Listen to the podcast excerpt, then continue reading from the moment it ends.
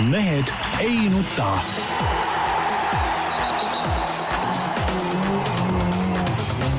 mehed ei nuta.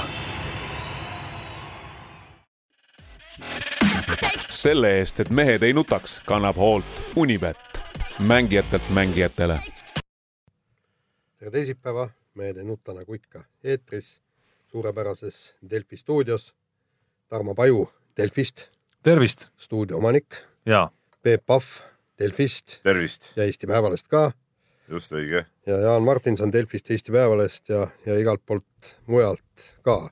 et on teil midagi südamel poliitikast? minul on südamel see, et, et meie ühiskonna pehmostumine jätkub äh, järjepidevalt. nüüd eile nagu Aktuaalse Kaamera uudistest tuli kuulda, enam siis äh, kirjandi ühes osas, kus sa pead selgitama, et, et kas sa said tekstist aru või mitte, õige kirja ei nõuta. ühesõnaga, sa võid kirjutada sinna täiesti, mida tahad, näiteks sa võid kogu selle teksti kirjutada üksteise otsa ilma ühe, noh, kõik, kõik sõnad üksteise otsa, mingit suurt tähtepunkti ei ole vaja, kõik täitsa ükstapuha, kuidas sa Jaan teaks, meil oli just koosolekul pikalt sellest, sellel teemal ka juttu. no aga ja leidus, aga leidus mitte- muidugi hunnik äh, mingisuguseid äh, liberaale või ma ei tea, mis, mis kohaga mõtlejaid, kes ütlesid, et see ongi okei okay.. Et mis mõttes? sama see, ma, ja see jutt ei olnud kõige vaiksemal toonil, vaid läks päris kirglikuks, mis seal salata.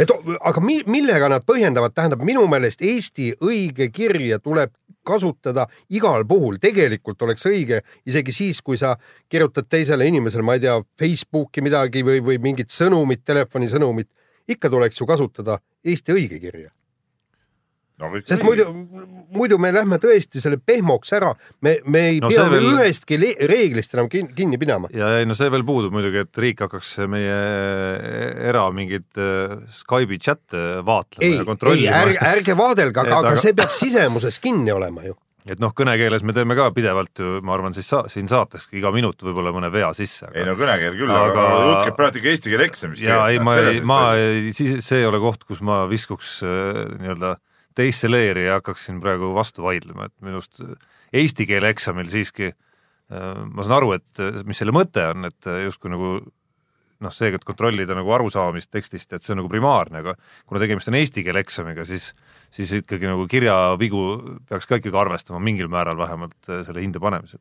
nii ja teine küsimus oli see, et, et nüüd hädalda, hädaldatakse, et mikspärast nõutakse lastelt siis nii-öelda kirjatehnikat, mis on tegelikult peenmotoorika arendamisel väga oluline komponent ja, ja okei okay,, mulle esimene küsimus öö, tuli kohe pähe, et kuidas siis meie ellu jäime, kui meie pidime kirjatehnikat öö, oskama, kui meie pidime eesti keeles õigesti kirjutama, kui meie pidime koolis kehalise kasvatuse norme täitma. huvitav, et näed, kuidas siin me oleme, Jaan. ja si- siin me oleme, elus ja terved. just no ega nüüd midagi head ei ole tulnud No kuidas ei ole? mina, minu arust meie, mina ja Jaan, ütleme just meie, meie siuke duo eriti, ütleme kehastab ikka Eesti siukest, ütleme siukest eh, positiivset siukest eh, ütleme Edulood- selgroogu, edu, edu- edu, edulood edu, põhimõtteliselt. edulood põhimõtteliselt, ei no eks ole. põhimõtteliselt pered Jah. hoidame ära, meil on öö, elu on normis, elu on korras, tervis ja ei ole korras. meile midagi kandiku peale ette antud, eks ole, kõik ise tehtud ja nii on. vägev, tänu et kirjatehnikale. tänu kirja ja õppisid seal ütleme kätemotoorikat, seal kõik ütleme näputöö, mis sa kodus pead tegema. aga me pidime heegeldama isegi. käeline osavus. aga miks su käekiri nii kehv on? ei no minu käekiri on kehvaks seoses praeguse tööga. sa ise tead ju, kuidas see Ja ei, ma tean, ma- see ma lihtsalt utreerin siin sellepärast, et ega mu enda käekiri on ka päris hull. minu käekiri muidugi on läinud kehvaks ja väga kehvaks läinud, sest see kiirkiri ja poolikud sõnad, mis sa sinna kaustikusse kristelda, ega see, see mõjutab, see on selge. Aga lastel see on, ega, ega see, ega siis see kirjatehnika ei olegi ainult nagu nii-öelda kirjatehnika, ma ütlen veel kord, see on, see on püsivuse arendamiseks, see on käeline, käelise tegevuse arendamiseks ja see, see, et see ilukiri sealt nüüd välja tuleb, see on hoopis mingi kolmandajärguline tegelikult. jah, noh, jah, olen ka sellega tegelikult üldiselt nõus. mäletan, et ise sain kunagi vist, see oli ainus aine, milles esimeses klassis õnnestus neli saada kõikide viite kõrvale minu. see on väga kehva olnud, aga ma mõistan, et et seda aga, aga minu arust on täiesti mõistlik, et tasub seda ikkagi nagu suruda, suruda, kuigi need näited, mis tänases Päevalehes olid, see, mille eest seal kahed olid pandud, läks nagu teise äärmusesse, minu arust no see läks äärmusesse jah, sellepärast et sel kirjatehnikal ei olnud häda, häda keskit, aga. no see oli ikka noh, minu arust ikka nagu väga okei kiri tegelikult. ja, ja aga ütleme niimoodi, et, et see ei ole mingisugune põhjus, eks, et üks näide ei ole mingi põhjus seda kirjatehnikat ära kaotada. nii, aga vist aitab. aga ühesõnaga Haridusministeerium ja kõik äh, haridusametnikud, kes Eestimaa peal on, nii palju, kui te kuulate meid, siis äh, kui teil on vaja ikkagi nüüd nagu Eestimaa peal natukene nagu selgitustööd teha, siis siin on kaks meest olemas, keda tasub Eestimaa koolidesse tuuridele kaasa võtta, lastele näidata, et näete, kui te tahate ikkagi olla nagu nii eesrindlikud nagu need kaks üli, üliedukat musterinimest, siis siis äh, pange need mehed puuri ja tassige mööda Eestimaa koole ringi. jaa, absoluutselt, me oleme nõus minema ka. nii, Nii. nii, kuule, räägime spordist räägime spordist ka ja räägime kohe tõstmisest. Mart Seim äh, naasis medaliga äh, tõstmise MM-ilt, paraku oli see, see oli see väike medal. see oli see väike medal nagu alati jah, aga kokkuvõttes sai, sai viienda koha. hädaabimedal jah. viimase moesõna Jah.. noh, ütleme niimoodi, et, et no midagi, mingi medal ikkagi seda on. küll, aga ma ütlen kohe ühe, ma ütlen kohe ära, tead. jätame praegu kiidulaulud kõrvale, enne kui Mart Seim ei hakka normaalselt rebima, mingilgi tasemel, ütleme tipptõstmise mõistes, noh, ei ole nagu eriti ka millestki rääkida. no ütleme niimoodi, et see sada üheksakümmend üks kilo, mis ta nüüd rebis, see on ikkagi kahetsusväärselt väike, väike, väike raskus ja, ja kui vaatame kõik mehed, kes seal eespool olid, alla kahesaja ei mängi mitte mingil juhulgi välja. oleks, oleks Mart kasvõi sada üheksakümmend viis äh, rebinud, siis oleks juba võinud öö, lülituda medali heitlusse, ehk siis okei okay,, ta oleks pidanud tõukama vist, mis see oli, neli kilo rohkem, kui, kui ta praegu tegi, aga ikkagi vähemalt oleks lootus olnud. et praegu ta jäi ikkagi üheksa kilo medalist. nii et, et seda, seda on palju, seda tõukamisega ära ei tee. nii et äh, tuleb kõvasti trenni. võtmes ongi rebimine, noh, tegelikult. Jah. igal juhul. no mis, mis oli nagu märgiline natukene oli see, et ta ju nii-öelda parandas tõukamises oma, oma senist tippmarki rohkem kui rebimises. ehk siis seal justkui on nagu samm olnud suurem vahepealse aasta jooksul, kuigi me mäletame, et pärast Riia olümpiat tõdes ta ise ka, et rebimises on vaja ikkagi nüüd midagi kardinaalselt ette võtta ja noh, seesama jutt, mida siin Peep alustas, seda rääkis Mart Seim aasta tagasi ju ise ka tegelikult, natuke rohkem kui aasta tagasi. aga vähemalt seni ei ole, siin on haaret vist muudetud Äh, et see paremini välja tuleks, aga, aga seni vähemalt tulemust ei ole, ma arvan, et noh, nad ei vaja mitte kedagi siin, vähemalt meie seast või ükskõik kuskilt ütlema, et nad teavad seda ju suurepäraselt ise ka. ja selles mõttes tõstmine on kahetsusväärne äh, ala, et, et äh, kui nii, nii, nii-öelda mõnel teisel koondalal korvpallis näiteks noh, tõesti, kui sa kaitses oled kehv, aga rünnakul oled tõesti väga hea ja arendad seda rünnakut aina edasi, edasi, edasi, siis sa saad hakkama. ja suusatamises noh, võib-olla kui sul niisugust vastupidavust ei ole, siis sa lähed aga sprinti sõitma ja kui sul on kiirust on, siis sa saad hakkama. aga tõstmises, kui sul rebimist ei ole, siis sa hakkama paraku ei saa. aga no huvitav on nüüd eh, muidugi see, et, et eh, mis, mis medal, mis medalid või mis tulemused on ikkagi Seimil kaelas, ma ei tea, ütleme kolme-nelja aasta pärast sellelt samalt võistluselt.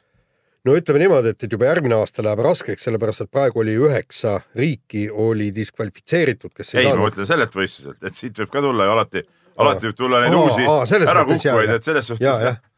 see viies koht kokkuvõttes võib tähendada ikkagi paari aasta pärast juba, juba medali saamist. noh, ütleme niimoodi, et, et äh, nagu ma saan aru, on tõstmine ikkagi väga tõsise pilgu all nii rahvusvahelises olümpiakomitees kui, kui ka tõsteliidus, sellepärast et praegu on tõesti suur oht, et Tokyos veel tõstmine on olümpiamängude kavas, aga sealt edasi Pariisis juba ei ole, sellepärast et väga, väga, väga noh, nagu kõvasti on võetud see ala pihtide vahele ja tõesti jube palju on, tähendab nagu seal oli iga kümnes vend paneb pilli, kui, kui proovide tulemusi uskuda ja, ja ma miskipärast arvan, et, et enam ei ole nii lihtne, et et, et sul paar-kolm meest kohe eest ära kukub, et eks need tõstjad saavad ise ka aru no siin on ju näiteid küll meestest, kes, kelle tulemused on äh, paarikümne kilo jagu pärast selle kontrolli tõhustumist äh, noh, kehvemaks jäänud, on ju.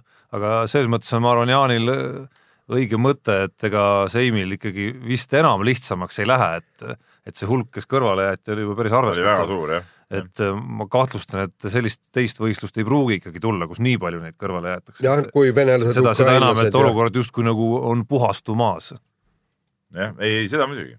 Ja aga, aga, aga noh, teine asi on ju ka see, et, et kui see tõstmine tõesti jätkab oma dopingumöllu ja, ja, ja Mart Seim võib-olla tõesti tagantjärele saab need äh, mõned me- medalid võib-olla see aasta, järgmine aasta kätte, aga siis, kui see ala kaob olümpiamängudest, mängudelt ära, siis ta ju noh, võrdsutub tõesti täiesti marginaalse alaga. ja, ja, ja siis me ei ole äh, ka väga õnnelikud, et äh, kui, kui Mart Seim seal mõned medalid võtab, sest noh, see ala enam ei ole see. Noh, asi pole meie õnnes, et lõppkokkuvõttes tõstmine nagu globaalses ülemaailmses mõttes marginaliseerub sellega ka ikkagi ära no just ja, ja see on see, mis peab tõstmisjuhtidel maailmas nagu olema praegu mure number üks, sest noh, neid ennast pole sel hetkel olemas. Mart Seimi saatus nii-öelda huvitab meid võib-olla ainult siis. nii, aga lähme siis järgmise osa juurde ja räägime kiire vahemängu alustuseks äh, korvpallist ja no, nüüd korvpalliteemast tuleb järjest kohe. kohe tuleb korv, korvpall on jah kuidagi sinna rubriiki sattunud, aga huvitavad küsimused ja aga esimene teema on kohe, et, et meie noor reporter Märt Roosna eh, kenasti kirjutab, kirjutas valmis eh, Aavo keelest raamatu ja mis nüüd kohe-kohe reedel. reedel ilmub. reedel on esitlus. Just nii. Ja, ja ühe peatüki ta tõi siis meie lehes äh, välja ja see oli siis see mälestusväärne jutt, kui härra Andrus Ansip, toonane peaminister, siis teatas, et totalitaarne riik ainult toetab sporti ja nii edasi ja nii edasi, aga sealt oli see küsimus, seal raamatus oli ka ära märgitud, et korvpall ehk siis äh, Kalev Cramo sai ühel aastal viis miljonit Eesti krooni ja teisel aastal siis äh, kolm koma viis miljonit Eesti krooni noorte korvpalli arendamiseks üks koma viis miljonit äh, läks Tartu Rockile ja, ja väga õigustatud küsimus oleks praegu, et see on täpselt kümme aastat on sellest möödunud. et kus on need mängijad, keda arendati? nii, nii suurte summade eest, need on tõesti suured no, summad. mina võin kohe otse öelda, ühtegi mängijat ei ole Kalev Cramo süsteemist selle jooksul äh, välja tulnud. kes Äh. oleks nagu ütleme kuhugi ka jõudnud või, või kuskil mängumeheks saanud. noh, oleneb, mida süsteemiks nimetada, et äh, kaude vist äh, äh, ma mõtlen, kas Rain Veidemanni tuleks sealt süsteemist, kuigi ta läks sealt süsteemist välja väga kiiresti äh,.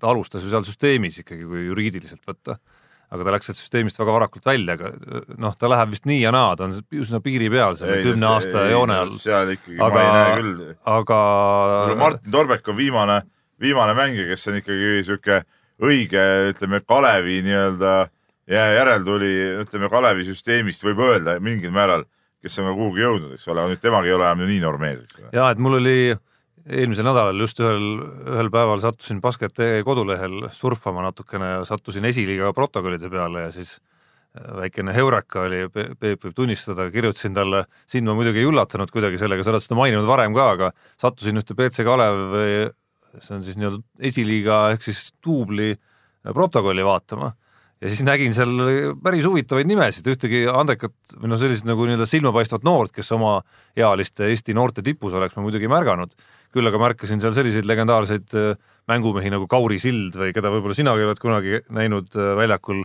mängimas ajal, kui sa kunagi kümme või viisteist aastat tagasi käisid meistriliiga mänge vaatamas. Kristo Aab ja. Kristo Aab oli seal ja noh, Anton Potanov ja, ja noh, sellised äh, sutsu üle või alla kolmekümneseid äh, mängumehi, kes kunagiseid meistriliiga mehi või siis esi või siukseid igipõliseid esiliiga No, mehi äh, oli see võistkond ikkagi täis ma. võin sulle nüüd seletada, kuidas süsteem on, tegelikult see nii-öelda Kalevi duubel on ju, see võistkond moodustati nagu sel hooajal alles, sest et tegelikult see võistkond kandis varem nime Vasar ja Balteko ja see on selle järeltulija, mis võttis nüüd nii-öelda selle Kalevi duubli rolli nagu üle ja siis saab seal eh, korra ühe mängu mängis Mattias Tass isegi seal kaasa, eks ole. aga, aga teises liigas on veel, veel BC Kalev kaks, eks ole, no seal ei ole üldse, seal, seal on veel, veel ütleme madalamal tasemel need nii-öelda harrastajad, et nagu mingit loogikat eh, selles nagu tippklubi püramiidi loogikat nendes, nendes asjades ei ole, kuigi nüüd mingid noorte satsid on ja tegelikult on Kalev Cramos ikka mingi noortega käinud, ütleme Marko Parkonen näiteks, kes praegu Audentese Ülukte treener, tegi väga head tööd mingi hetk seal Kalev Cramo noortega. Aga noh, siis tema läks sealt ära, nüüd see asi on jälle seal kõik eh, nagu noh, sisuliselt olematuks muutunud, et, et seal mingit mingit tõsiseltvõetavat äh, asja nagu ei olegi suudetud käima panna, noh, seda kogu aeg üritatakse, midagi seal nagu tehakse, aga mingeid mängijaid sealt välja ei tule. ja aga vot siit see on nüüd üks sihuke poole tera nagu tegemine, et, et tegemine nagu tegemise pärast, sihuke mulje jääb paraku. no jaa, aga siit, siit nüüd tekibki küsimus, kas tegelikult riik, see on meie maksumaksjate raha kõik see kaheksa koma viis miljonit, kas riik ei peaks selle raha tagasi küsima? no sa saad, Jaan, ise ka aru, et see noorte töö, et see lihtsalt suu soojaks öelda, et tegelikult see raha läks ju kõik ju, ju, ju välismaalaste ja noh, ütleme Eesti tippmängijate palgarahaks. no jaa, aga, aga no siis pa, palun makske siis need Riigikogu liikmed, kes selle raha määrasid, makske oma taskust siis see kinni, see on ju tühja läinud raha. see on kümme, kümme miljonit. tühja läinud, ma sellega nagu nõus ei ole, et see tühja läinud on. ütleme selle eest me saime näha äh, natuke siukest tippkorv, tippkorvpalli lähedast mängu, aga ütleme, see põhjus, miks seda raha anti, oli, see oli vale, eks ole. Ja, no et, et oleks pidanud huvitav, et me toetame tippkorvpalli ja palun, anname. no vot, aga, aga milleks niisugune susserdamine? aga noh, see on muud riigi, moodi raha kätte ei saanud. no riigikogulaste ja Ansipi puhul tavaline no. see on tavaline, see on tavaline muidugi, no ütleme, kes seal Piruka juures on, noh, kes oli Kalevi mänedžer tol ajal, noh, Remo Holsmer, kes on Reformierakonna, ütleme juba toona oli ta nendega seotud, noh nüüd ta on seal ju täitsa üks, üks juhtiv tegelasi ja, ja noh, tore mees on korvpalli väga palju aidanud ja, ja selles suhtes ei ole, ei ole midagi ütelda, aga noh, ütleme need, need niidid ikkagi joonistuvad siit nagu välja. Äh, vahetame teemat, aga väga palju ei vaheta ka. Mattias Tassi üleminek BC Kalev Cramost TTÜ-sse sai äh, nii-öelda vahepealse nädalaga teoks ja Mattias. Tass, jah, Mattias Tass äh, eile TTÜ Facebooki lehel antud intervjuus, videointervjuus rääkis siis nii-öelda kerge pahameelega oma eelmise kodumeeskonna suhtes, et et kuidas ta ikka sai seal liiga vähe mänguaega ja, ja kõik, kõik need jutud ja et uus peatreener Donaldas Kairis siis algul lubas igasuguseid asju, näiteks nelikümmend minutit mänguaega anda, aga siis juba järgmises uudis oli jutt, et need minutid tuleb välja teenida, et, et mis segadus see selline on. minul tekitas see nagu esimese tunde, et kas tõesti kogu see suhtlus Mattias Tassi ja, ja, ja Kalevi klubi vahel käiski nagu läbi äh, meedia siis, et et vahetut kontakti kuni viimase hetkeni ei olnudki selles äh, kaasuses nagu üleüldse.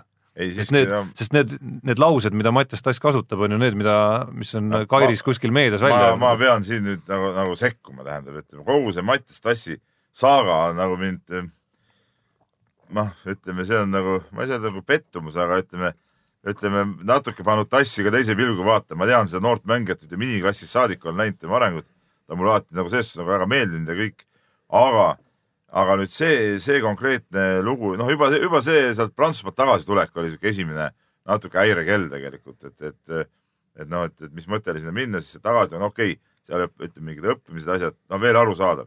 aga nüüd see Kalevi teema, noh, selge, kõigepealt ma natuke, eks ole, näitan näpuga Alar Varraku peale, ei julgenud mängima panna, arusaadav. ja sain siiamaani tassist väga hästi aru, aga nüüd need laused, mis ta nüüd ütles, no mis ta siis mõtleb, et, et niisama antakse nelikümmend minutit või? see näitab natuke pupujukusust, kuule, ega trennis pead ikka välja teenima nelikümmend minutit, palun. ega Eesti liigas ei olnud, ma saan Kairisest niimoodi aru, et tal ei olnud kahju anda talle palju mänguaega, aga põhimõtteliselt on seda meelt, et noor peab need mänguminutid välja teenima, midagi niisama anda ei saa ja see on absoluutselt õige, noh. kui me anname niisama, et kuule, sa oled nagu äge vend, eks ole, me anname sulle kogu aeg niisama nelikümmend minutit mängida, kuule, no mis sellest välja tuleb, see on sama hea, et nagu kehaline kasvatus, et, et kuule, et tule liikumisrõõmu, et samamoodi tassil siis, et mine, et et rõõ, ole rõõmus ja, ja mängi palli, no nii, et päris asjad käia ei saa ja, ja, ja selles suhtes. et mis need hoovad on, mis teda nagu pingutama kui sunnivad tass siis. asjast niimoodi aru saab, siis see on küll nagu väga-väga-väga väär mõtlemine väga,, väga-väga vääras suunas mõtlemine. kogu seda saagat aga lugedes ma, oota, ma ütlen veel Tarmole, et ikkagi tegelikult tass ikkagi jõudis teha Kairisega koos ka minu meelest paar trenni, et, et päris, päris nii see nüüd ei olnud, et, et üldse, üldse suhtlust ei olnud, aga eks see, eks see asi läks seal, ütleme äh, Kalevi esindajate ja nii-öelda tassi abiliste vahel võib-olla ka pingelisemaks, isegi kui see võib-olla päris avalikkuse ette on tulnud. Mul tuli ka seda sa- saagat lugedes äh, ko- kohe meelde see vana Kalev, see seitsmekümnendate Kalev, kui, kui Jaak Salumets rääkis, kuidas tema nüüd äh, sinna meeskonna tuli ja esimene asi oli kohe põhikoosseisu ennast murda moel või teisel. Ja tõesti, seda tehti läbi treeningute. Ja, ja see on see korvpalli loe korvpalliromaani, noh. No täpselt jah, minul on sauna, sauna tualetis on see korvpalliromaan alati olemas, iga kord, kui sinna lähen, võtan seda nagu piibel, vahest enne mängugi lähen, istun sealt korraks läbi, vaatan, võtan peatüki ette, see on, no see on siiamaani kõik absoluutselt sada protsenti aktuaalne ja, ja see kehtib ka siin selle kohta, sa pead ikka trennis olema mees ja tegema ja panema, enne ei ole siin midagi ja, rääkida. ja selleks- kusjuures see on noorele korvpallurile ideaalne situatsioon. sa saad Kalevisse suurde meeskonda, tuled sinna ja nüüd on sul võimalus läbi lüüa suures meeskonnas. näita seal äh, treeningutel, mida sa suudad, näita mängudes, mida sa suudad ja sa oled kohe põllul. Sest ega küsimus on selles, et vaata, kui sa trennis oled jube kõva, noh, paned selle kanguri seal paika, paned Subotitsi paika, ega siis treener ega Varrak, ega, ega ta siis loll ei ole, eks ole, et No ta ei, et ta ei pane siis siukest meest siis platsile. järelikult äh, äh, okei okay,, seal oleks võinud natuke krediiti anda, aga järelikult treeningutel ka siis mees ei näidanud nii head äh, tegutsemist, et teda oleks pidanud nii vägisi sinna platsile toppima, no selles on praegu asi. Et noh, siin on edasise suhtes äh, kindlasti nii-öelda endasse vaatamise koht, et äh, meil on ju USA-sse minekuga ka väga erinevaid näiteid, et ühe- ühes otsas on, ütleme, Rauno Nurger ja ja Maik-Kalev Kotsar, eks, kes noh, mulle tundub ikkagi nendes tippülikoolides on äh, väga hea tööeetikaga silma paistnud. ja siis teises otsas on näiteks Janar Jõesaar, kes läks ka väga tugevasse ülikooli, noh, oluliselt tugevamasse, kui isegi Tass praegu läheb. või okei okay,, oluliselt on vale sõna võib-olla et äh, siis nii-öelda andis järele sealt ühe sammu, ehk siis läks nõrgemasse ülikooli, kus ta sai siis kõvasti mänguaega ja, ja silma paista, siis andis veel järele sealt asjadega, tuli hoopis koju ära, andis veel järele, lõpuks äh, peale Tarva keegi nagu ei tahtnudki teda nii-öelda, läks sinna putitamisele mõeldud meeste osakonda sinna Andres Sõbra juurde, kuni siis ühel hetkel noh, mingi, mingisuguse asja vist leidis endas, kuigi seda Priit Lehismetsa analüüsi lugedes äh, siin paari nädala taguses Postimehes, kus ta kõiki, kõikidest meestest väga avameelselt rääkis, siis sain aru, et Kalevis ikkagi on ka pigem viimane, viimaste seast, kes trenni tuleb ja esimeste seast, kes läheb. no seda näitavad ka tema mänguminutid kahes viimases ühisliiga mängus, et ega eks see välismaa treeneril noh, puuduvad eelarvamused ja eks ta vaatabki selle järgi, kes kuidas, kuidas tööd teeb. aga mis seda tassi puutub, siis ma ütlen ka, et mulle tundub ka, et see on nagu, nagu ütleme, kergema vastu, vastupanu teed on mindud siin praegu, sellesama TTÜ-sse üleminekuga ka. Ega seal loomulikult seal saad mängida, loomulikult saad. aga no kas see on seesama tase, selles on küsimus. nii, aga lähme edasi ja, ja äh, Maik-Kalev Kotsar on siis võtnud eeskuju kuulsast äh, Jack O'Neillist, et äh, teadupärast Jackil vabavisked olid suur probleem ja nüüd Kotsar ka üksteist vabaviset järjest äh, mööda visanud. no erinevalt Shaquille O'Neillist ma olen suhteliselt kindel, et Maik-Kalev Kotsar saab selles vallas asjad korda. et äh, noh, ütleme, Shaq sai isegi ilma hakkama. Maik kindlasti ei saa oma karjääris ilma hakkama, isegi Jan Vesseli pole ilma hakkama saanud, vaid On ära õppinud enam-vähem. vaid on ära õppinud ikka nagu päris talutaval tasemel, alles oli siin üks mäng äh, mõned nädalad tagasi, kus Istanbuli Fenerbahce mängis, vist oli see, kus olümp-, olümpiaakuse mäng läks lisaajale, tulid välja seal, Vesseli pani otsustavatel hetkedel kaks vaba viset ära veel. huvitav, kas saia aga naist olid mingid mängud paar päeva tagasi, kus talle tehti meelega viga, et, et ja viimane mäng, ma saan Ja. aru, oligi selline, kus ta võeti ikkagi viimasel rünnakul välja. Ilmselgelt võis tagamõte ka see olla, et, et ta ei läheks vabaviskejoonele. huvitav, kas saia naist ei tohi proovida või? Tohib võib ikka. noh, aga tohi? miks ei proovi? no alt ikka kuidagi sisse upitad selle palli noh. peaks olema ju. nojah, aga noh. ma arvan, et eesmärk siiski on nagu õige tehnikaga see asi korda saada. No tegelikult ütleme, kui me räägime siin Kotsari üksteist vabaviset, siin ütleme meie esikorvpallur Rain Veidemannil oli siin kolmeste seeria veel, veel hullem, aga nüüd õnneks murdis selle ka ära, et sai viimane mäng sisse jälle, et äkki, äkki see ebaõnn, vaata iga kord, kui sa paned mööda, paned mööda, paned mööda, see ebakindlus aina suureneb, samamoodi vabaviskejoonel.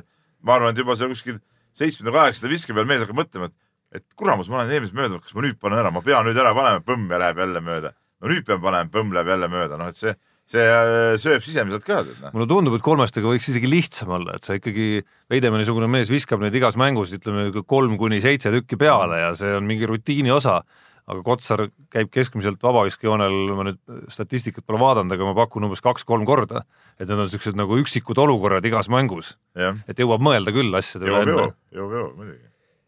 nii, aga lähme järgmise teema juurde ja Peep, sulle tähelepanuks. Ragnar Klavan, meie Eesti parim jalgpallur, ütles oma täna, tänukõnes, kui ta aasta parimaks Eestis valiti. minu kõige tähtsamaks taustajõuks on mu abikaasa. ilma temata poleks ma pooltki see inimene, see mees, kes jalg, see jalgpallur, kes ma olen täna. no nii, väga õige.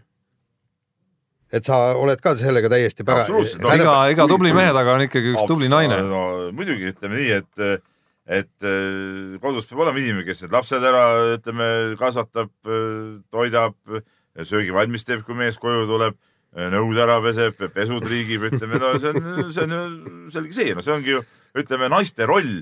Elus ongi ju ikkagi ju, ju mehe toetamine, noh, see ongi ju niimoodi ette nähtud ajalooliselt, kuigi mõned äh, ma ei tea, mingid võrdõiguslikkuse nõudjad siin püüavad seda ütleme looduse poolt paika pandud eh, teistpidi, see on nagu, see on nagu tahaks panna jõge teistpidi voolama, eks ole. aga noh, selle vastu me võitleme ja, ja, ja, ja seda me ei lase läbi ja, ja see on kõik väga õige, ega, ega ma ei saaks ka käia ju kahes kohas tööl siin toimetuses ja, ja, ja veel poisse juhendada, eks ole, sisuliselt täiskohaga, kui äh, mul ei oleks naist kodus nii, nii, nii head, kes ütleme, selle asjad kõik, kõik ära teeks, mis on vaja, noh, et selles suhtes nii ongi, ega siis see on kõigil niimoodi.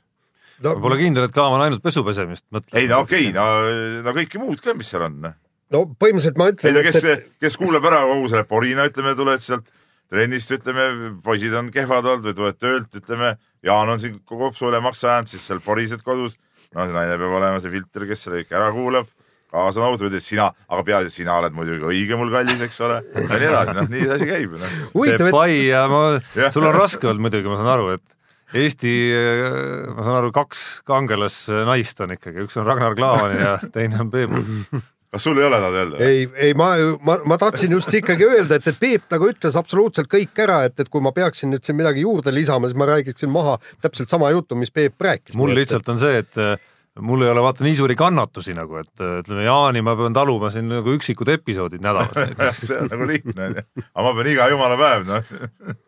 no jaa, aga no mõ- mõistke ka mind, mina pean jälle Peepu taluma, eks. ja, ja lisaks veel teised no eriti kõva tegija ikkagi, mul on tunne, on Jaani enda naine, kes peab kogu aeg Jaani taluma. taluma.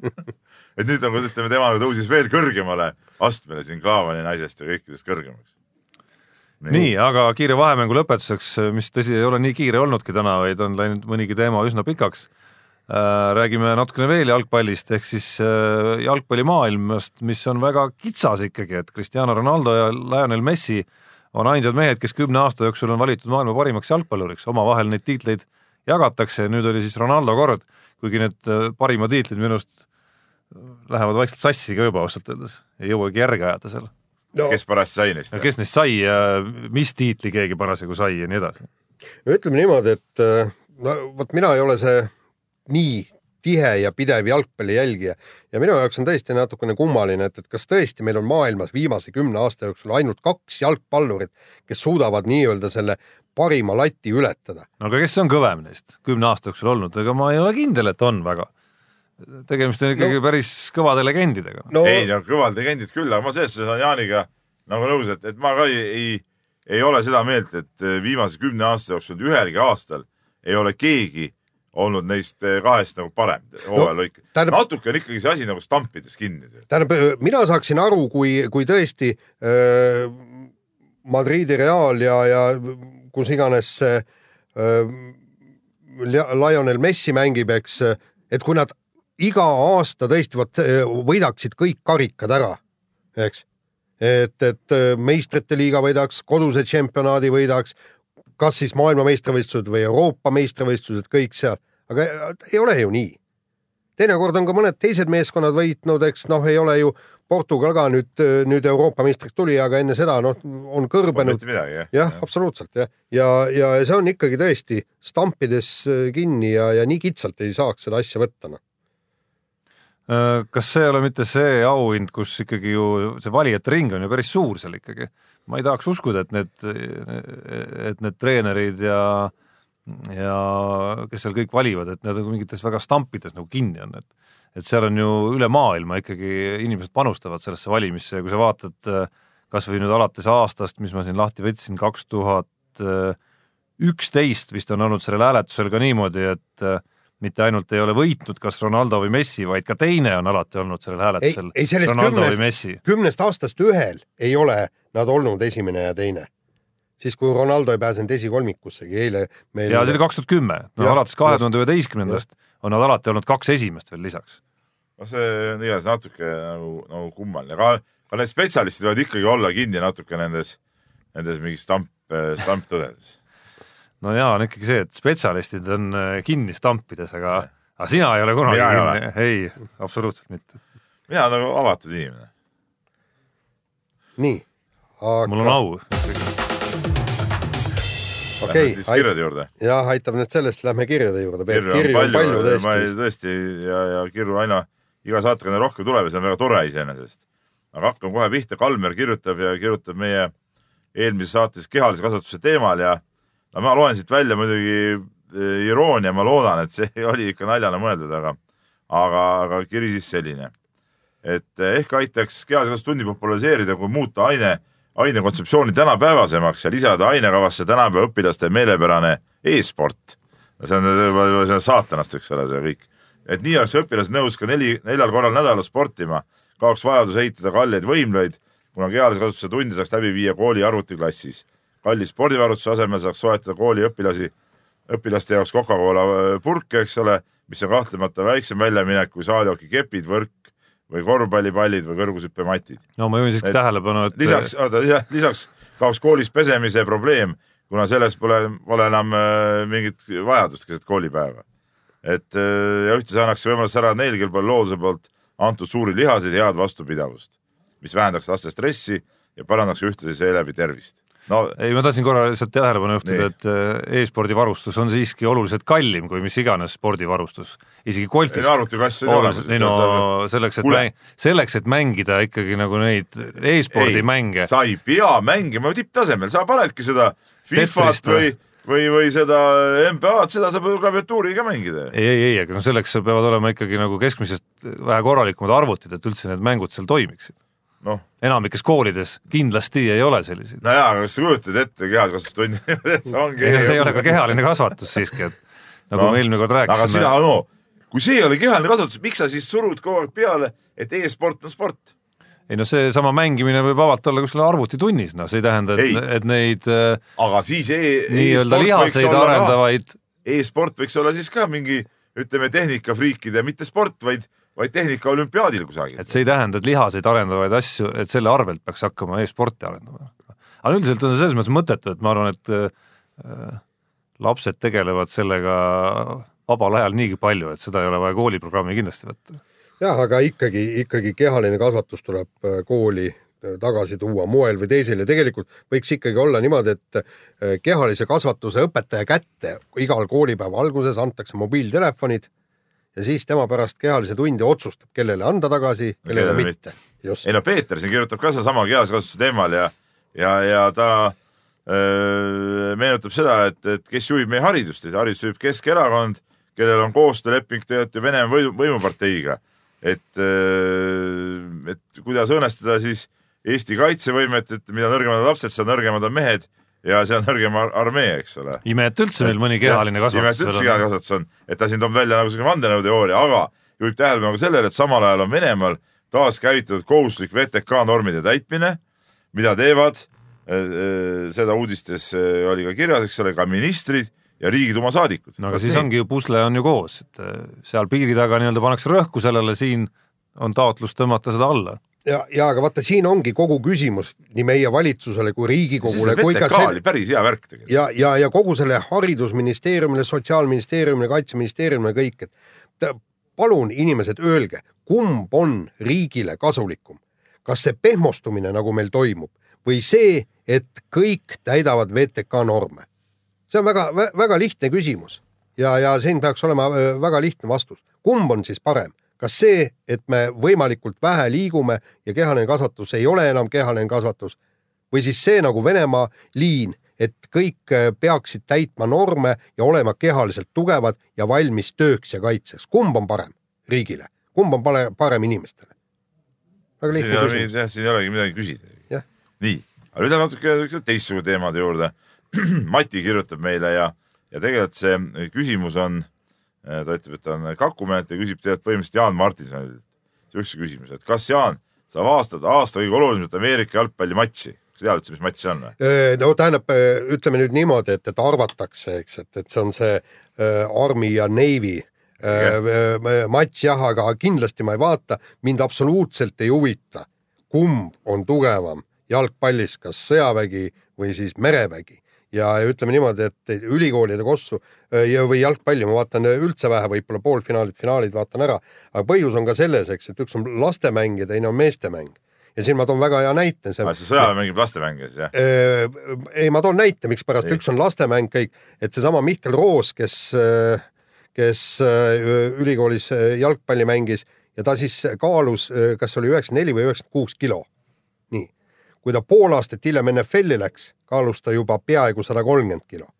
et ük- kaks täiesti erinevat asja, kas äh, mängivad omavahel üheksakümne kilosed poisid või saja kolmekümne kilosed mehed. iseasi, kuidas ta need kolmkümmend kilo seda juurde mina sai. käin mõtlema, et, jah, et puhta trenniga on väga keeruline. ei, ma küsisin temalt ka, et, et kuidas see tuli, ütles, et kõva trenn ja õige toitumine ja.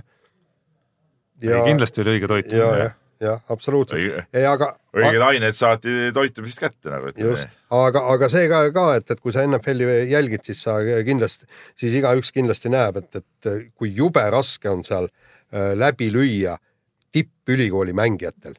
see, see ei ole isegi võrreldav äh, äh, korvpalliga, kindlasti no ma hoki kohta ei oska öelda, eks.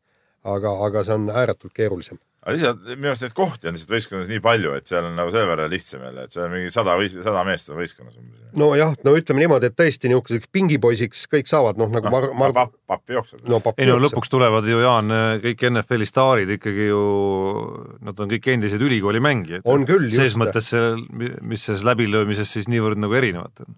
ei no seal, seal on, vaata, kui seal, see seal on need füüsise hüpe, ma saan aru, mis nad peavad tegema, on, on vajalik, aga ega see korvpallis on täpselt samamoodi. jaa, aga vaata see, seal, seal ongi just see, et, et seal tippmängijad tulevad ja põruvad, sellepärast nad ei ole võimelised.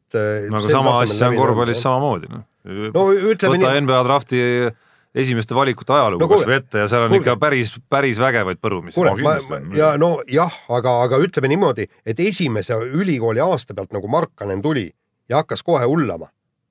noh, Ameerika jalgpallis seda esimese aasta vennad, noh, neil pole praktiliselt lootust. nii, aga lähme kirjadega edasi ja, ja Ants kirjutab meile ja, ja jutt siis Johanna Talijärve kahekümne üheksandast kohast ja, ja sellest kajastusest, mida see siis, see tulemus nagu, mis see tulemus nagu järgnes, et, et ta kirjutab niimoodi, et Delfi ikkagi ei tohiks lubada sellist, sellise tulemuse puhul nelja või viit artiklit ja pikka aega esiuudisena äh, seismist. Et loomulikult saan ma aru, et Talijärv ületas ennast, aga siin ongi just see küsimus, mida kommentaatorid esile tõstsid, et kui me sellise tulemuse peale ülevoolavalt rõõmustame, siis äh, sellega me seame lati liiga madalale.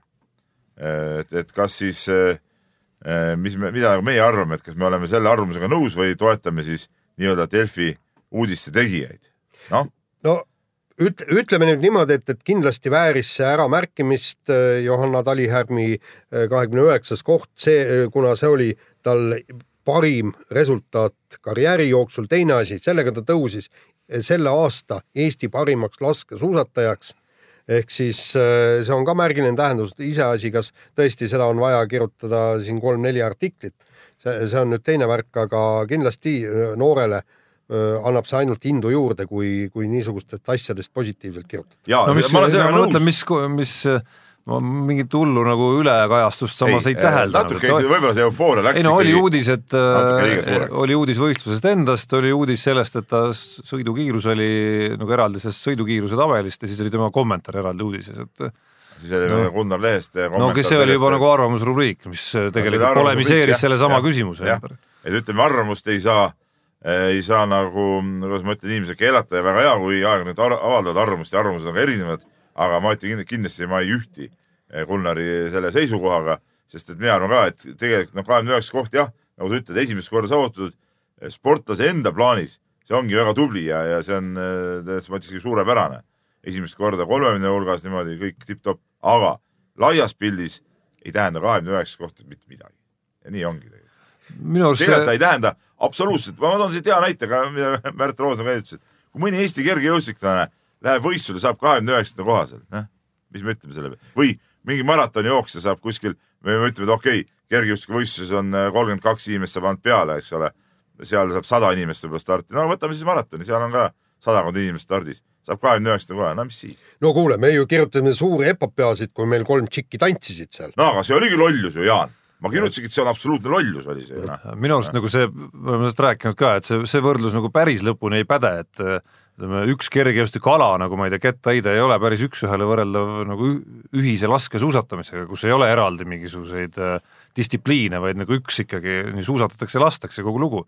aga ma ei tea, kahekümne üheksa koht ise tegelikult ei ole mitte mingit vahet, kas sportlane kahekümne neljas, oli selle- kolmekümne teine. minu arust oli selle. rõõmustamise nagu põhiline põhjus, miks oli põhjust rõõmustada see, et äh, meil ei ole viimastel aastatel olnud väga laskesuusatajaid ja keegi ei ole tõestanud ühelgi võistlusel, et ta suudaks näidata sellist sõidukiirust ja vajadusel ka täpselt lasta, et, et õigel päeval oma sõidukiirusega suudaks ta sõita no vähemalt esikümnessegi. see konkreetne sõit Johanna Talihärmalt oli selline, mis näitas, et, et Jaa, meil on vähemalt, et meil on üks laskesuusataja, õnneks ka noor, kes äh, võiks seda suuta. jaa, aga, aga tema ülejäänud võistluste sõidukiirused pole tegelikult olnud selle tulemuse ligilähedasedki, seal on ka teatud äh, mingid muud faktorid ja anomaaliad on mängus tegelikult, noh. ja, ja muide arvestage, et, et see talisport ehk siis nii, nii see kahevõistlus kui ka suusatamine, laskesuusatamine, suusahüpped ka, et need, need on selles mõttes tõesti meil anomaalsed alad, et me kirjutame, hindame igasugust üheteistkümnes koht, viieteistkümnes koht. Võta, võta nüüd, pane kõrvale mingid maadlus, judo, vehklemine, näiteks vehklemi-, vehklemises kolmekümne sekka jõudsid meil kaks, kaks neidu, me vist ei pannud seda isegi lehepäisesse ära et äh, vibu laskmine, laskmine kõikidel nendel aladel, kui inimene saab kahekümne üheksanda koha või isegi kümnenda, üheteistkümnenda koha, me isegi seda ei märgi, me ei, me ei kirjuta sellest isegi online uudist mitte. sellepärast, et see ei, see ei ole äh, tulemus, mida oleks vaja ära märkida. selle vahega lihtsalt, et äh, ütleme, seda laskesuusatamise MK-etappi, isegi kui ETV ei näitaks seda ikkagi päris arvestatav hulk silmapaare Eesti inimesi jälgib ja see läheb korda neile, erinevalt vibu laskmisest. jaa, aga vot see, vot see nüüd see asi ongi, eks, et, et me, me, me ei pane neid, me ei hinda neid tulemusi võrdselt. ja aga neid ei saagi võrdselt hinnata minu arust.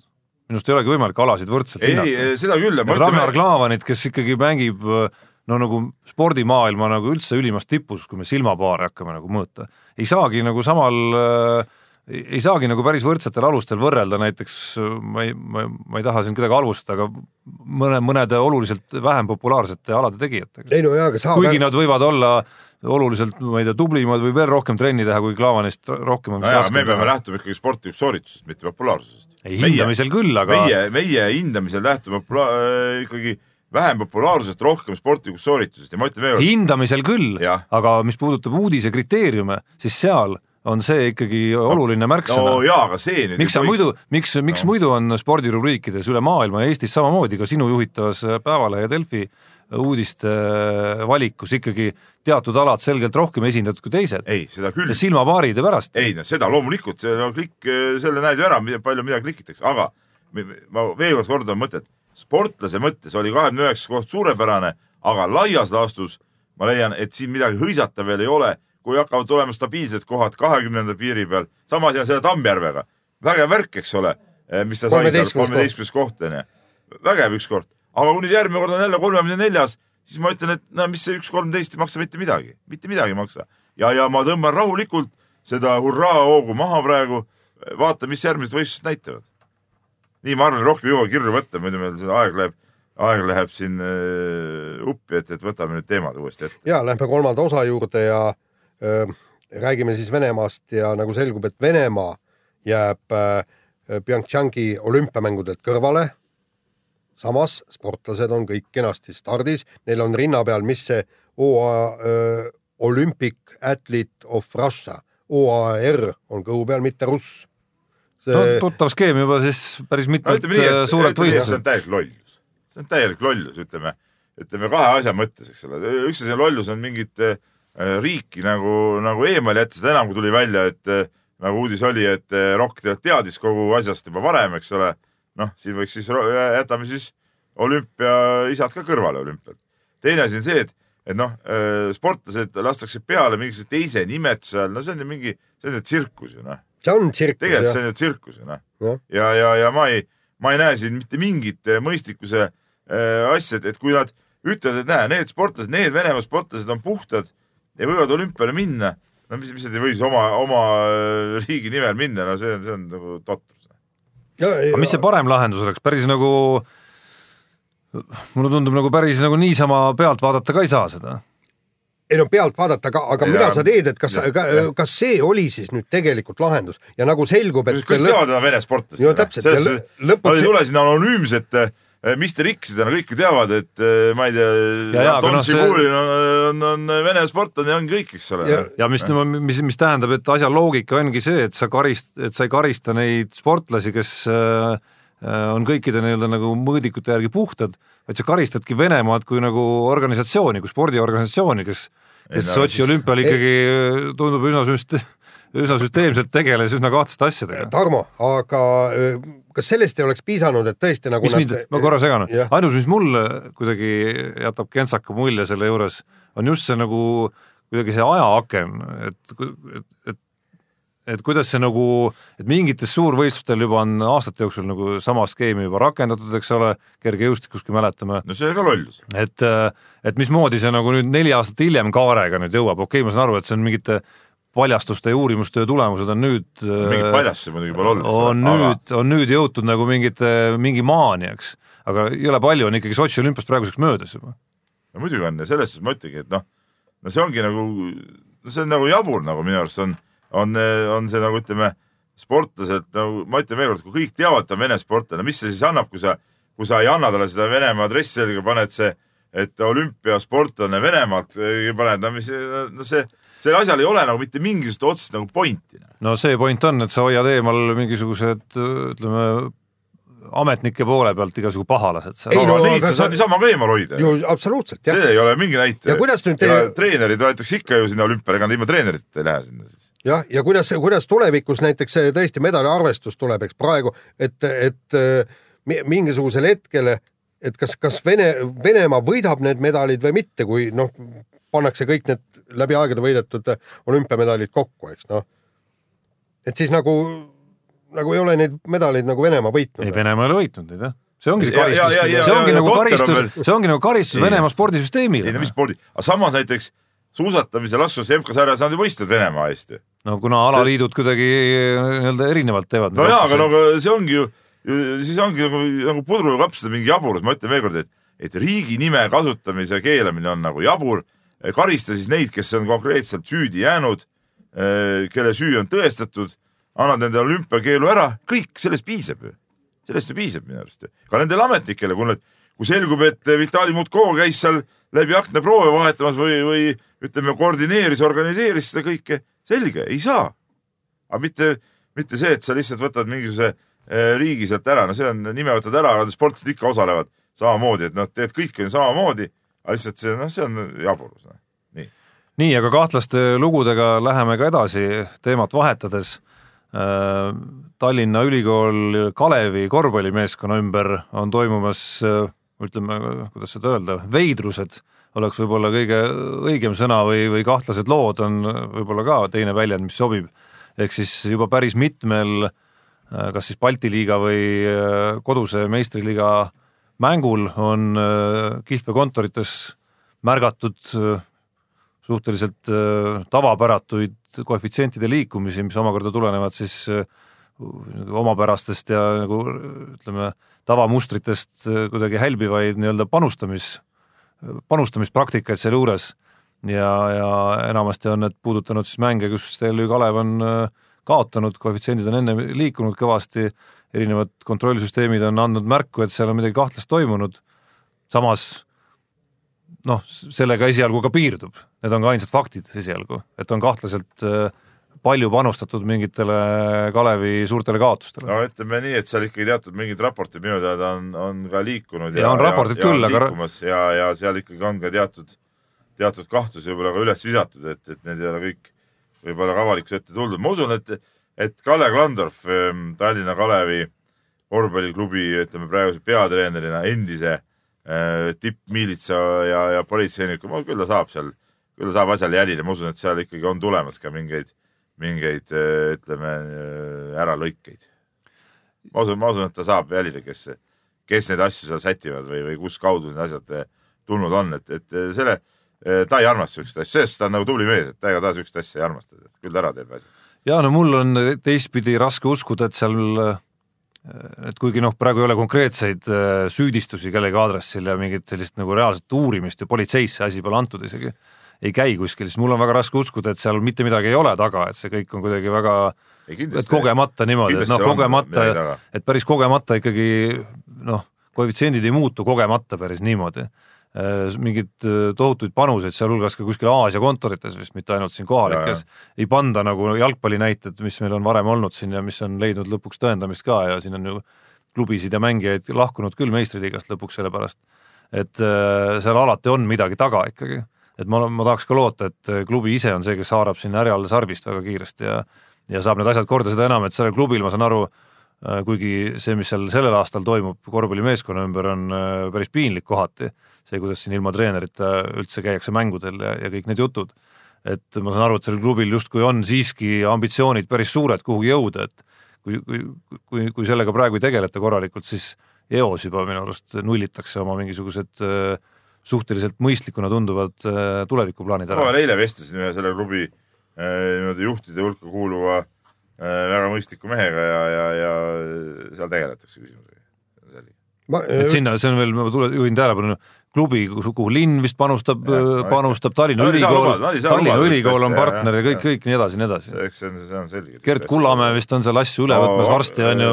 no ta üle päris ei võta, eks ole, ta on abitreener seast, aga, aga see aga, no perspektiiviga vist aga, ikkagi, et äkki ta tuleb. kahes mängus on Kullamäe näiteks peatreener, nii täna kui ka järgmises mängus, siis tuleb Kalle Klandorf oma puhkuseliselt tagasi ja, ja võtab uuesti ise peatreeneri kohast. ja perspektiiv, ma saan aru, on ikkagi see, et, et ta ehk saab ka peatreeneriks kunagi seal no,. Ja, ja, ja, ja kõik need muud tippmängijad ka muudel aladel, kes on otsustanud kuidagi sellest klubist midagi erakordsemat püsti panna. ja mul on siin ainult üks kommentaar, et mõned aastad tagasi, kui need jalgpalli kihlveoskandaalid esile tulid, siis, siis tekkis tõsine küsimus ja me kirjutasime vist kuhugi selle artikli ka, et, et kas tõesti on jalgpall ainus kus kohas äh, kihlveopettusi no juba seis oli selge, et ei ole. just, ei, aga, aga eelmine aastagi oli see, kui Klandorf ise tegi ju avalduse mm. äh, politseile, eks see oli vist eelmine hooaeg minu arust. jah, aga, aga need olid mõned aastad tagasi ja ma mäletan seal siis me alaliidu inimesed ütlesid, et oh, mis te nüüd, oh, kus te nüüd, et meil ei ole võimalik ka noh, tuvastada seda kõik. jalgpall on need asjad üles võtnud, mängijad on saanud kõik keelud ja kõik ja jalgpalliliit on seda asja, ma arvan, et korvpalliliit ajab seda asja täpselt sama tõsiselt. aga lähme nüüd viimase osa juurde, ega aega liiga palju ei ole ja räägime siis äh, PyeongChangi olümpiamängudest, et ehk siis kuhu meie sportlased on teel ja nagu äh, varem siin mainitud, Karel Tammjärv sai päris kena äh, kolmeteistkümnenda koha Davosi uisudistantsil, kusjuures, eks, et mitte Eesti lemmikalal klassikas ja, ja nüüd on meil praegu äh, Äh, kahekümne hulgas MK-etappidel olnud siis kolm suusatajat, lisaks äh, sprindis ka siis Raido Ränkel. mitte ainult kahekümne, vaid viieteistkümne hulgas isegi. ja isegi viieteistkümne hulgas ja äh, Marko Kilp ka, et, et ühesõnaga nad on näidanud seda, et, et nad on kindlasti väärivad seda olümpiakohta. Ja... mis mind häirib, on see, et tegemist on siiski jälle üksikute sähvatusse, nii nagu ma siin just eelmises plokis rääkisin sellest. ka see sprinterite sõit tegelikult on ju näidanud, et rohkem midagi ei ole tulnud ja nüüd jälle jutt sellest, et me teeme hoopis trenni praegu ja no teised ei valmistu olümpiaks või, või ma ei saa. ja seda küll jah. valesti aru saada. ja aga teisalt on fakt ka see, et mis puudutab Tammjärve. Norra ei tule olümpiale või? kes? norralased ei tule olümpiale või? ma ei tea, võib-olla ei tule jah ei no, ma ei tea, nad ei valmistu ju. et äh, mis Tammjärve puudutab, siis äh, mis iganes see täpne number oli seal, tuhat kolmsada ja midagi peale veel äh, päeva, ei ole ka sellist sähvatust isegi olnud ehk siis, äh, ehk siis nagu päris nii-öelda maha matta see, et noh, et enne kuni ta ei suuda ühtegi korda midagi sarnast äh, korda saata, ärme üldse nagu rõõmusta selle üle, ei ole nagu ka mõtet.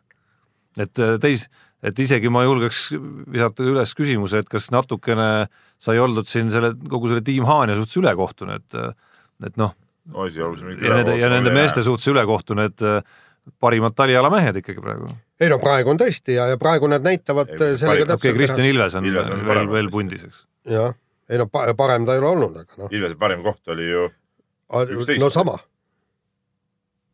no, no ühesõnaga vahet, vahet ei ole jah no,. no selle vahega, et ta on suutnud ka... mitu korda sõita, no, kuigi, kuigi ainult ühel nädalavahetusel. jah, aga, aga Ilves oli ka eelmist, eelmistel aastatel tegija, noh, mingil määral tegija, aga. ei, loomulikult ütleme, Tammjärv ju tema avanemist on oodatud ju aastaid-aastaid juba ja, ja natuke on võib-olla mõtetes ka maha kantud, aga tegelikult tema vanus on ju täpselt see, kui vanalt äh, Veerpalu hakkas tegema oma tipptulemusi, et noh, võib-olla mingi loogika siin on, et, et et äh, on oma kilomeetrid nii-öelda täis sõitnud, just millest me rääkisime siin no. eelmine, üle-eelmine saade, eks ole, see Eesti suusatajate loogika sellest kilomeetrite täis sõitmisest ja, ja, ja, ja võib-olla kannabki vilja, aga noh, seda nüüd peabki edasi hooaeg näitama. ta peaks ka pidevalt püsima seal nii-öelda punni kohal, nüüd siis saaks rääkida ikkagi temast kui klassiga sõitjast. nii, Johanna Talihärm siis Eesti parim laskesuusataja kahekümne üheksanda kohaga ja ütleme niimoodi, et laskesuusatamises küll niisugust sähvatust nii-öelda esikümne piirile tundub, et ikkagi ei, ei ole tulemas. no mis mind nagu häiris, võib-olla oli see ka natukene, et me rääkisime palju reaktsioonidest ja, ja, ja, ja vaatasin siin ERR-i ülekandeid ka ja räägiti, kuidas Tuuli Toomingal ka suurepärane nädalavahetus, et jõudis seal jälitussõitu seal. no halloo, noh sprindis jah, sai seal viiekümne seitsmenda koha, eks ole, sai puhta jälitussõitu. laskmisega. puhta laskmisega, sõiduaeg oli üheksakümne seitsmes või üheksakümne kaheksas, täpselt ei mäleta. mis, mis suurepärasust me siin räägime? noh, nii, nii no ei palju. saa niimoodi. ja, ja nii noh Noh., teisalt sellest hoolimata suutis ta jälitussõidus veel parandada ka oma kohta. no seda, seda nüüd küll kõik on tore, Aga- ma aga- oleksin palju rõõmsam, kui ta sõidaks esikümne, esikümne, viieteistkümne aegu ja on- laseks kehvalt. seda annab parandada. absoluutselt, et see on äh, nagu tippu jõudmise mõttes kindlasti nagu tõenäolisem versioon, et me oleme näinud murdmaasuusatajaid või väga kõvasid suusatajaid, kes, keda on suudetud äh, laskma panna, aga me ei ole näinud vist ühtegi laskjat, kes on tulnud laskesuuska ja siis suusatamine on kuidagi juurde omandatud, et äh, sellist, sellist jaburat näidet ma ei tea, Jaan on vanem mees, võib-olla ega vist ei no ma ole. pakkusin, et paneme Inešini ja, ja Oles. laseme sinna, laseme laskesuusatajateks siis noh. aga noh, kui Jaan ütles, kõik pihta ja rõõmustame. aga kui Jaan. Jaan oli kuidagi väga pessimistlik siin teema alguses kohe, siis ma ei tea, mulle noh, pigem ikkagi on nagu kuidagi nagu, nagu oli nagu rõõmu selles, selles äh, nädalavahetuses laskesuusa mõttes, et et nii Kalev Ermits kui, kui Johanna Talihärm ikkagi noh, ma ei tea, kas päris esikümnesse, aga, aga esikahekümne kohta sellel aastal võiks oodata küll neil. No nii esi- palju, nii palju neil on suusakiirust, erinevalt sellest, et me oleme näinud nüüd, et äh, Roland Lessing ja, ja Rene Sahkna hetkel ei sõida nulliga kolmekümne hulka isegi. ja aga Tarmo, see ju me ennem rääkisime siin pikalt, esikahekümne koht ei ole see, mille pärast võistlema minnakse. no ja kõik on taustsüsteemis kinni, kui seal, kui seal eelmised hooajad on kõik veet-, veedetud ikkagi kuskil neljakümnendate, viiekümnendate, seitsmekümnendate peal. aga mulle tundub, Tarmo, et kas ütleme, sa ei ole nagu päris spordiajakirjandus enam, et kas see natuke pehmeks ei ole muutunud hinnangute andmisel? Et sa oled muutunud nagu praegu ka nagu siukse nagu tavatelevaatajaks, et oh, et, et super luks no nagu. ma ei ole kindel, et tavatelevaataja tähendab seda, et äh, arvamused pehmemaks läheb, minu kogemus on pigem, et tavatelevaatajad vastupidi, lähevad nagu veel karmimaks oma hinnangutes. ei tea, mul on siuke mulje, et nagu, et, et hurraa, hurraa. et me siis nagu ajame mingit, mingit tippu ainult nagu taga, et noh, minu arust ka ikka tippsport tähendabki tipp, noh. no aga te saate ise ka aru, et nendelt, kes eelmisel hooajal sõidavad kohtadel viiskümmend kuni üheksakümmend, on absurd loota, et nad sellel hooajal esikümnesse hakkaksid sõitma. kuskohast siuke aga hüpe peaks no tulema? ei, aga needsamad meie laskesuusatajad on ju, on ju eelmistel hooaegadel sõitnud ka seal neljakümnendaid kohti, olnud äh, siin mõned mehed siin kõrgemalgi kohal, eks ole. no ikka väga Johanna on olnud neljakümnendates kohtades. väga harukord- sealt see hüpe nüüd ei ole olnud praegu nagu nii, nii suur. see, et ta sai, see, et ta sai üheteistkümnenda sõiduaja, on ikkagi väga selge hüppemärk. no ütleme niimoodi, et ma, ma ei tea, mis selle aja taga on, võib-olla tõesti ideaalselt määritud suusad, et, et ma ühelgi teisel distantsil ei ole seda, enne püüdsin selgeks teha, et ühelgi teisel distantsil ei ole seda sellist suusavormi välja tulnud ju tegelikult. ja päev varem ta sai, mis, mis me eile koos vaatasime, viiekümne neljas viiekümne sõiduaeg. neljas, jah. no mis on, ja ka mis päev oli, hiljem ei olnud sõiduaeg ju. mis oli ka siiski midagi. valgusaastate võrra parem kui noh, need, kes meil üldse sõita ei jaksa seal kusagil ei, üheksakümnendate sellest ma ei peal. räägi, loomulikult ma ütlen veelkord, sportlase individuaalses plaanis oligi see hästi. aga me räägime siin praegu natuke nagu laiemast pildist. nii, aga nüüd ki kiirelt, ega aeg, aeg surub peale. Saskia Alusalu, Martin Liiv äh, kindlustasid ka olümpiakoha väga, väga kõva ja ne, nemad ei saa hädaabikohti. Nad tõesti pidid välja võitlema selle koha, nii äh, EOK tippspordijuht Martti Raju kinnitas, et tema on kõik tabelid öö, üle vaadanud ja, ja nemad kahekesi lähevad olümpiale, aga nüüd põhiteema, mis on kõik selle eelmise jutuga ka haakub see, et, et oli siin suur lärm sellest, et suured riigid said kahevõistluses suusahüpetes ühe koha nii-öelda varuvõistleja koha juurde, et nemad saavad öö, olümpiale saata viis öö, sportlast. Ja need kohad lähevad siis nii-öelda kehvemate arvelt, ehk siis, ehk siis meil ilmselt vennad Pihot tänase seisuga olümpiamängudele ei saa ja sama on ka siis äh, suusahüppajatega, et muidu me oleks kolm meest põllale saanud, praegu on siis ainult äh, üks minemas, ei tea kes ja kuidas, eks. ja, ja mind nagu natukene hämmastas ja tegi murelikuks see, et, et hakkab, mis hakati kohe tampima seda suusaliitu, FIS-i ja rahvusvahelist olümpiakomiteed ja mis pagan, miks noorme tõstetakse kõik nii. kuulge, kallid inimesed, noh kui me võtame suvealade järgi, võtame kasvõi kergejõustikus, eks, et sa pead maailma edetabelis olema kolmekümne kahe hulgas selleks, et üldse olümpiale saada. väga lihtne, eks. mei-, aga meil on siin nii, et Eesti vennad Pihod ei ole isegi suutnud saada MK öö, etappidel peale ehk siis viiekümne hulka isegi ühelgi võistlusel, sellepärast aastaid ja no võib, eelmistel aastatel nad vist midagi üht-teist saavad, eks. tähendab, me, meie eesmärk peaks ikkagi olema ja teha tööd selle nimel, et me, meil natukenegi taset on. ma ei, ma, ma, ma ei suuda nagu väga kahetsust tunda sellest, et me, meil tõesti need suusahüppajad, kes ei ole MK-sarjas võistelnud kahevõistlejad, et, et nemad olümpialt välja jäävad kurb jah, aga, aga no see, see ei ole nüüd see, et aga mul jäi kuskilt, aga mul jäi kuskilt silma ka, et ega nagu sportlased ise nii väga suurt numbrit ei teegi sellest, et see no, suurem, et see suurem number on alaliidult ja, ja olümpiakomiteelt, kes jäävad mingitest hooldusmeeste kohtadest selle võrra ilma. et sealt tuli nagu rohkem kära. ja, ja, ja no võib-olla ja üks, millega võib võib-olla nõustuda, on see, et selliseid asju otsustatakse siin ütleme kaks kuud enne olümpiat et siis mingi absurdsus on, see, et need reeglid võiks ikka varem paigas olla küll. otsustatakse selles suhtes, et selliste sportlaste olümpiale mitte minek. ei, loomulikult ei ole jah, aga, aga siuksed asjad võiks enne hooaega vähemalt paigas olla. seda küll jah ja, ja, ja sama, samas täpselt sama küsimus on see, et, et kas meil tasub äh, olümpiale saata siis freestyle suusataja, kes, kes paraneb just praegu äh, samasugust põlvevigastusest, kes ei ole kindlasti olümpiatasemel. ma ei, ei, ma saan aru, et jutt käib, no...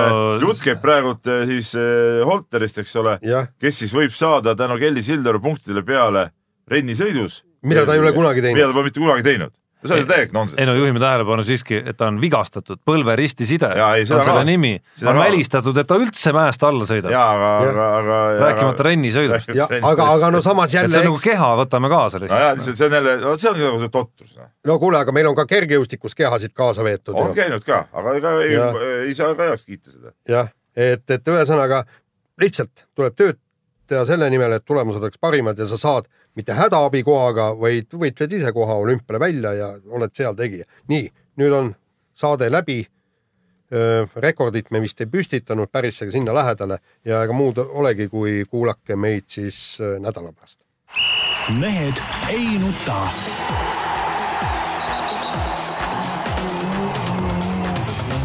mehed ei nuta